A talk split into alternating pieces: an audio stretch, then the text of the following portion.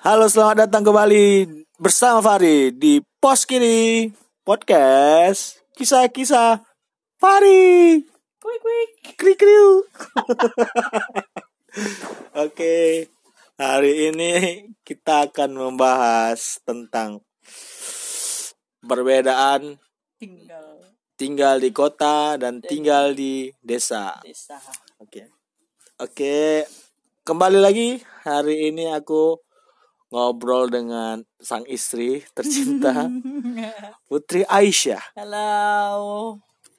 Nah, bersamaan dengan tema ini, kebetulan sebelumnya nih ya, for your Ya, information, yang sama ya. uh-uh, apa namanya, aku ini tinggal mantan anak kota, mantan. Mantap. Nah, istri saya ini tinggal di desa. Sebenarnya nggak desa-desa kali lah. Ya Kalau- pikiran lah. Kalau misalnya kalau misalnya iba- pandangan atau hayalan kalian tentang desa itu mungkin ada sawahnya, ada ibaratnya rumahnya kecil-kecil. Enggak. Ya ke kota setengah jam lah. Ya, ke kota. Ke kota itu 45 menit, setengah jam 40 menit lah Sama ya. dari kota Medan. Kebetulan kami kalau misalnya kalian pendengar eh kami ini tinggal di Deli Serdang. Deli Serdang. Nah, kalau kotanya itu sendiri kan kota Medan. Jadi dari Deli Serdang ke kota Medan itu 45 menit lah atau paling lama itu ya. Paling lama tuh setengah jam lah, setengah jam. Jadi- Jadi, kita akan membahas tentang perbeda- perbedaan kehidupan di kota dan desa. Mulai dari apa ini sekarang? Mulai dari Hmm, perilaku orangnya lah. perilaku orang. Aku di sini dulu ya, dari kota ya. Dari kota itu kebetulan aku dulu tinggal di komplek lah, di komplek kota. eh apa namanya?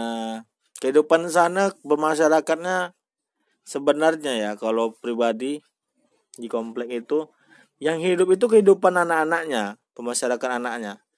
Anak-anak sana kekeluargaan tinggi, kekeluargaan tinggi ke mana-mana ibaratnya adalah grup untuk anak-anaknya gitu. Jadi sering ngumpul Kompak lah ya kalau Kompak. anak-anaknya. kompak anak-anaknya. Kalau ada acara-acara kayak mau futsal bareng kayak nongkrong-nongkrong bareng.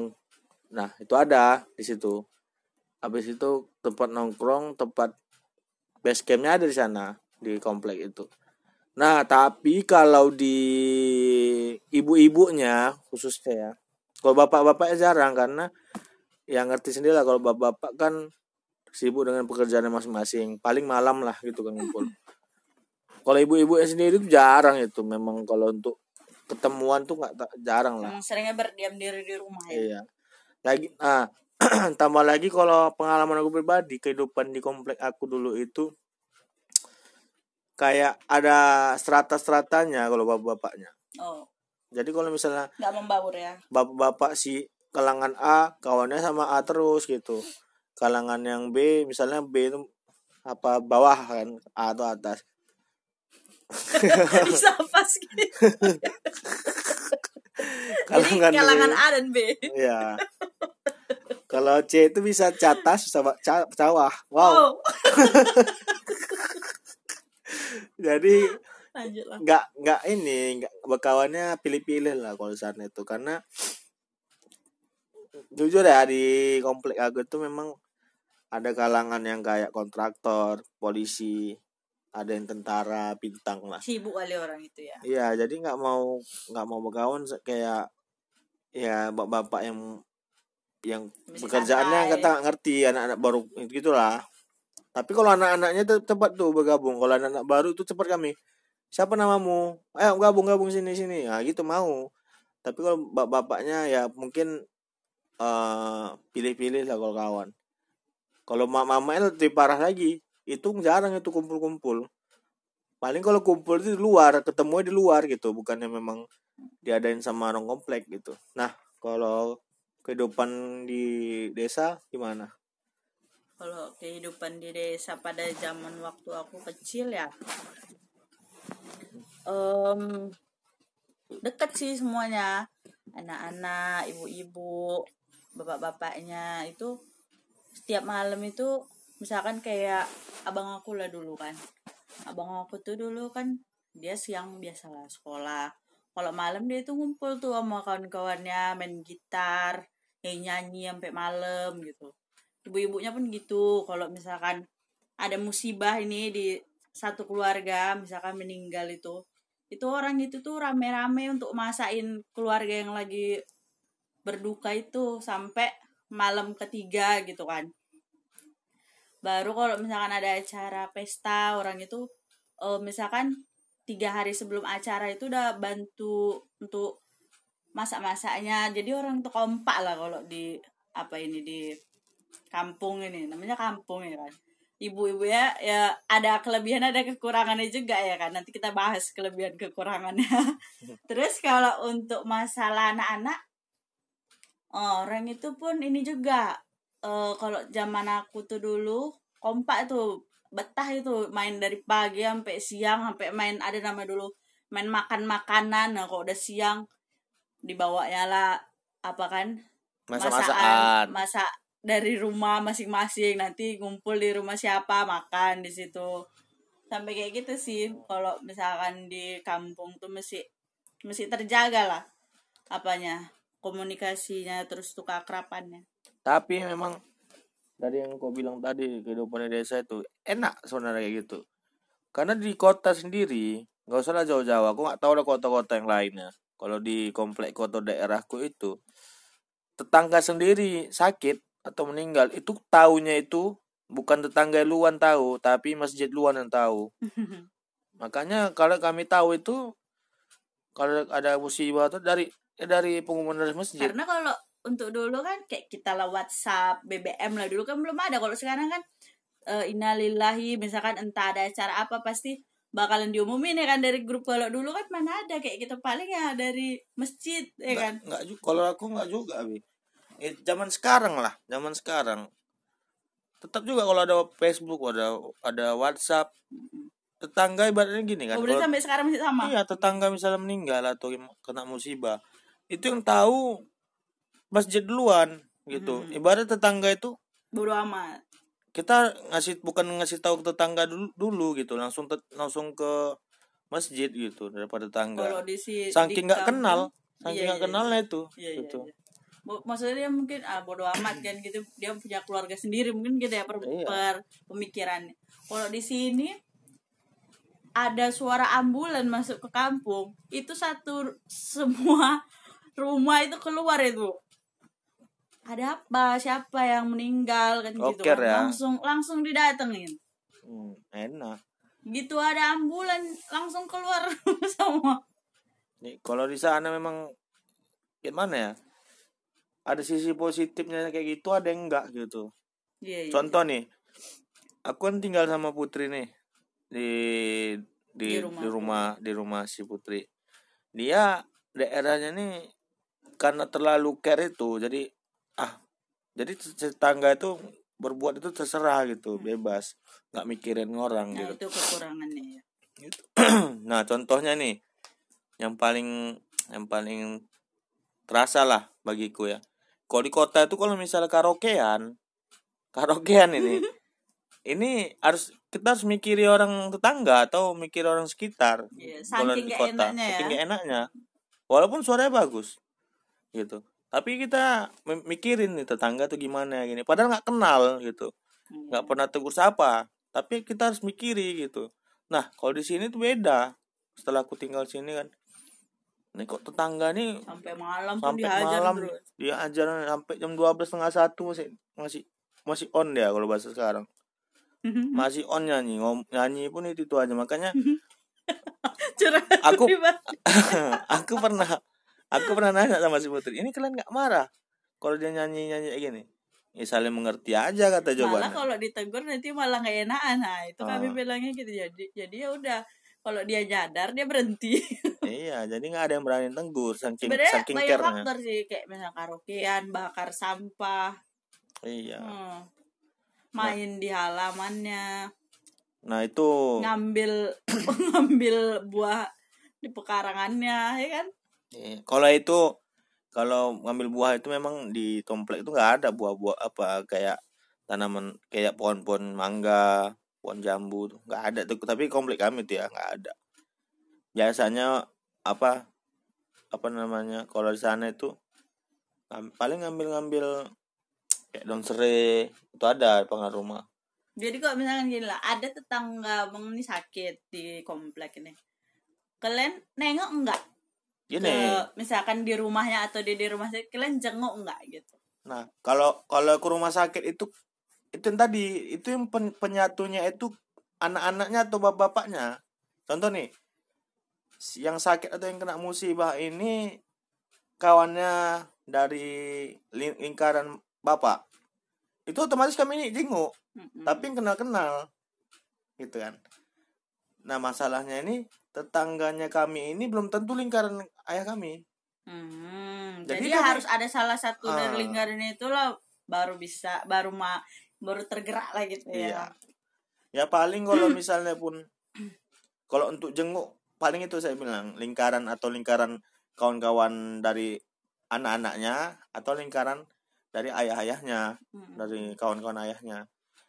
Nah, kalau misalnya paling kalau untuk saling membantu itu ya pada saat ke masjid lah, ke masjid atau sholat jumatan itu biasanya si khotib itu bakal ngasih tahu info bahwasannya ada kutip sumbangan untuk warga kita nama atas nama ini bin ini gitu gitulah itu paling itulah. Paling kalau kalau jenguk itu apalagi ya, nggak nggak kenal kayaknya kita datang itu segan gitu. Sok kenal sok dekat jadinya. Kalau di sini misalkan dia di ru- rumah sakit nih, Hmm.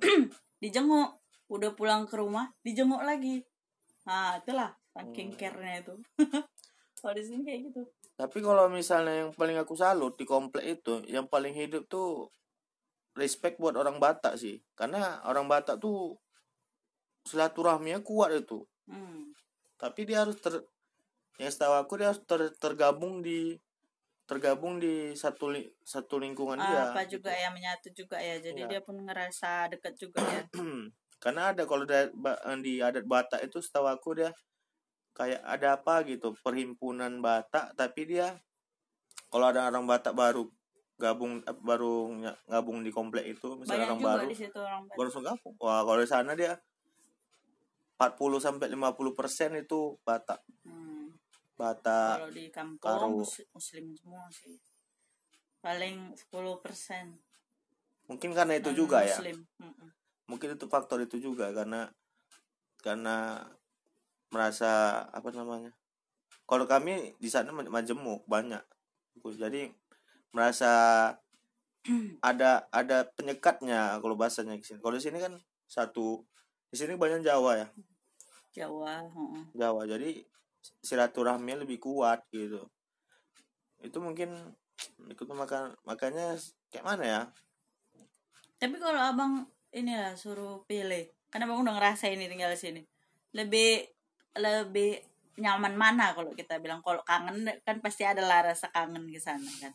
Kalau nyaman sih, kalau ku pribadi kalau ditanya itu, nggak bisa nggak bisa kita pilih, karena saling melengkapi. Hmm. Contoh nih ya, dari segi care-nya, dari segi care-nya aja kita ada positif negatifnya untuk pribadiku.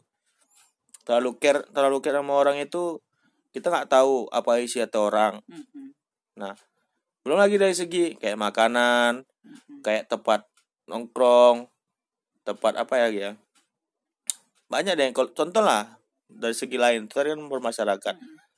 Tempat ngumpul-ngumpul kan lebih enak di kota, di mall-mall. Iya, iya. lebih Karena orang desa, orang desa pada pada lari ke kota semua Hmm. untuk untuk ke mall kan. Kalau mall itu kan di daerah kota, Medan semua gitu Tapi enggak kalau di kampung mau ngumpul eh sama kawan-kawan. Jauh-jauhnya apa? Gibah juga kalau yang perempuan ya. Enggak Iya. jauh-jauh kan. Makanya kalau kalau lebih pilih kota atau desa nggak bisa kita pilih. Aku yang berun- beruntungnya sebenarnya sekarang kadang-kadang bosen ke ke kota, kadang pengen nyaman Mm-mm. nyaman tentram di desa Hmm. Gitu kan. Jadi istilahnya sebenarnya bukan desa juga sih. Karena aku pernah tinggal betul-betul di desa. Iya, iya. Ini sebenarnya bukan semi semi kota ini ibaratnya. Kalau desa itu kalau di film-film itu kan kayaknya Sawah. rumahnya maaf cakapnya gubuk Iya.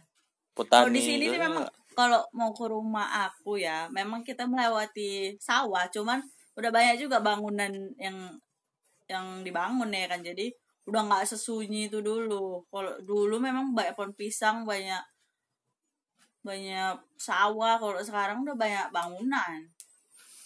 tapi kan kalau misalnya di de- yang di tempat kami ini guys Eh, dia bu- bukan de karena bukan karena kenapa aku bilang bukan desa bukan pure desa karena yang tinggal di sini rata-rata pelarian dari kota orang-orang yang pensiunan orang-orang yang baru nikah baru mau mulai kehidupan itu pasti ke sini karena mereka cari kedamaian terhindar dari kebisingan kota-kota di kota kan pensiun ya. nyarinya lebih ke situ kalau yang baru menikah atau baru dari Medan pengen ke sini paling karena di sini kan harga lebih Ya, harga lebih murah. murah.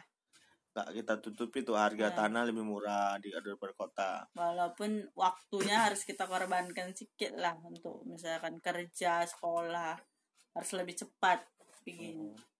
Makanya sih sebenarnya ada untung ada ruginya lah. Kalau sebagai aku apa namanya yang bisa yang pernah hidup apa hidup di dua dua dua apa namanya dua daerah ini kota atau desa tapi aku nggak tahu ya kalau di desa betul-betul pure desa karena aku paling kalau yang untuk pinggir rumahnya beneran sawah gitu ya?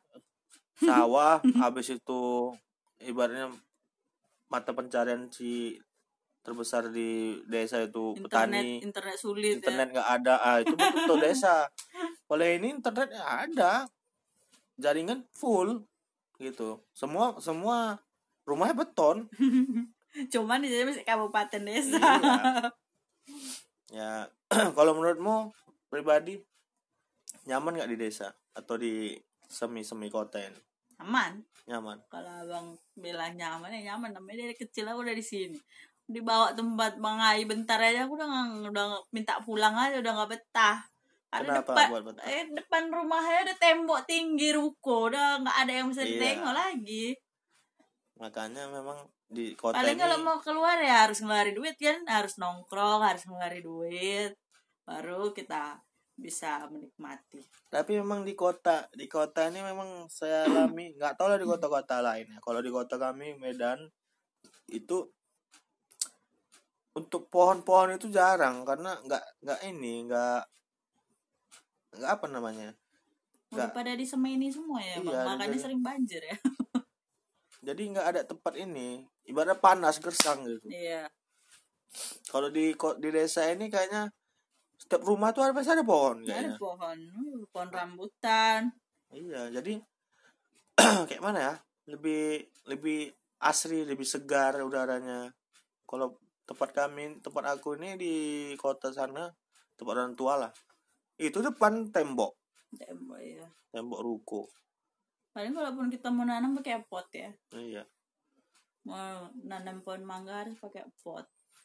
Itu. Makanya ya ada plus minus lah tinggal di kota atau di desa. Kalau enaknya di kota itu pertama ini aku mau kelebihan kota lah ini ya. iya iya. Dari tadi Tadi kekurangan kekurangan doang kota doang. Nanti marah pula orang kota ini. Nanti ada pula bang Ayu kalau kota ini tinggal di kota pasti enaknya itu ke mana-mana dekat betul. Mau makan ada dekat betul. mau tempat kerja semua di kota. Nah habis itu tempat eh, rekreasi biasa di kota. Betul. gitu. Habis itu waktu lebih fleksibel waktu lebih fleksibel. Habis itu memang apa namanya eh kayak mana ya privasi itu lebih terjaga kalau di kota. Iya. Makanya lebih ada plus minusnya gitu. Apalagi kalau sekarang musim belanja online. Oh kalau aku ya yang perempuan kalau tinggal di kota ya maunya shoppingnya banyak dapat ini. Gratis ongkir karena dia di kota Medan. Ya, kalau kalau udah masuk ya. kabupaten dah udah naik harganya dari nih satu lagi nih sebelum kita tutup nih podcastnya. Eh tentang pertemanan di kota dan desa itu gimana kalau di desa? Pertemanan antar teman gitu. Apa yang dibahas apa yang apa yang biasa jadi eh, pembahasan lah gitu. Kalau di desa ya saking dia care-nya sampai anak-anak itu urusan orang tua pun orang tuh tahu ceritanya. Hmm. ah paham kan abang? Jadi Misalkan- kalau misalnya ada cerita-cerita kayak ibu itu gini gini Ah, mama ah. bapaknya gini gini Ah, ah, itu anaknya jadi pun tahu anaknya ya? pun tahu. Jadi Hmm. anaknya pun ikut nimbrung juga dalam masalah itu diceritakan sama kawan-kawannya juga. Tapi Nah. kalau sekarang sih zaman kayak gini ya zaman gadget paling kawannya paling cuma enam orang yang sering kumpul. Lainnya udah Iya masing-masing lah. Kalau di kota itu kalau yang bilang dibilang putri itu kehidupan desa kalau ada masalah tentang orang tuanya anak tahu kalau di kota enggak enggak sama sekali cuman Sekali. cuman kalau pembahasannya di kota itu ya kayak mana ya? Secara nggak secara nggak langsung itu secara nggak langsung itu kehidupan ada stratanya yang kayak aku bilang. Nanti kalau misalnya naik mobil pasti kawannya bu mobil semua. Nggak mau kalah. Nggak mau kalah. Anaknya gaul gaul semua tuh gitu. Anak yang cupu cupu semua lingkarannya gitu. Ibaratnya udah tra- strata nggak nggak gabung gitu. Kalau di kampung bisa nggak nggak gitu pula ya kan. Misalkan ada satu dia memang orang yang udah terpandang. Ya udah dia, dia sendiri yang terpandang. Orang mau ngejar dia nggak Iya. bisa karena terbatas kan penghasilannya. Hmm. paling gitu nggak ada sih kayak sirik-sirikan paling misalkan kok minta tolong pak pinjem mobilnya lah. Nah, paling itulah yang bisa kita bantu.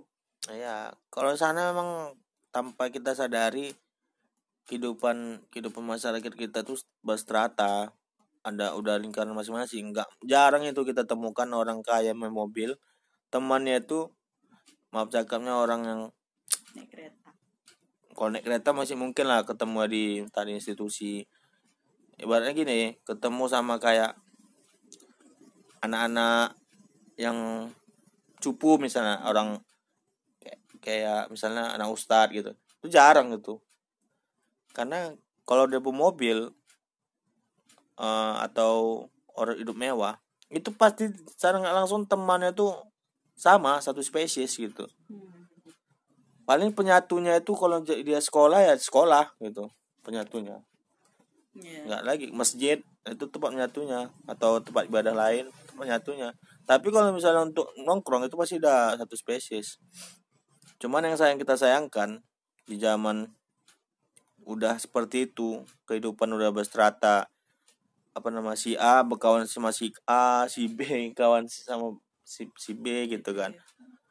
Nah apalagi ditambah lagi zaman sekarang zaman gadget gitu kan. Semua semua bisa kita lakukan di handphone. Iya. makanya jarang kal- nyapa kan terakhirnya kan Jarang Makanya- makanya kalau kata orang ada dengan ada gadget ini orang jauh terasa dekat orang dekat terasa jauh.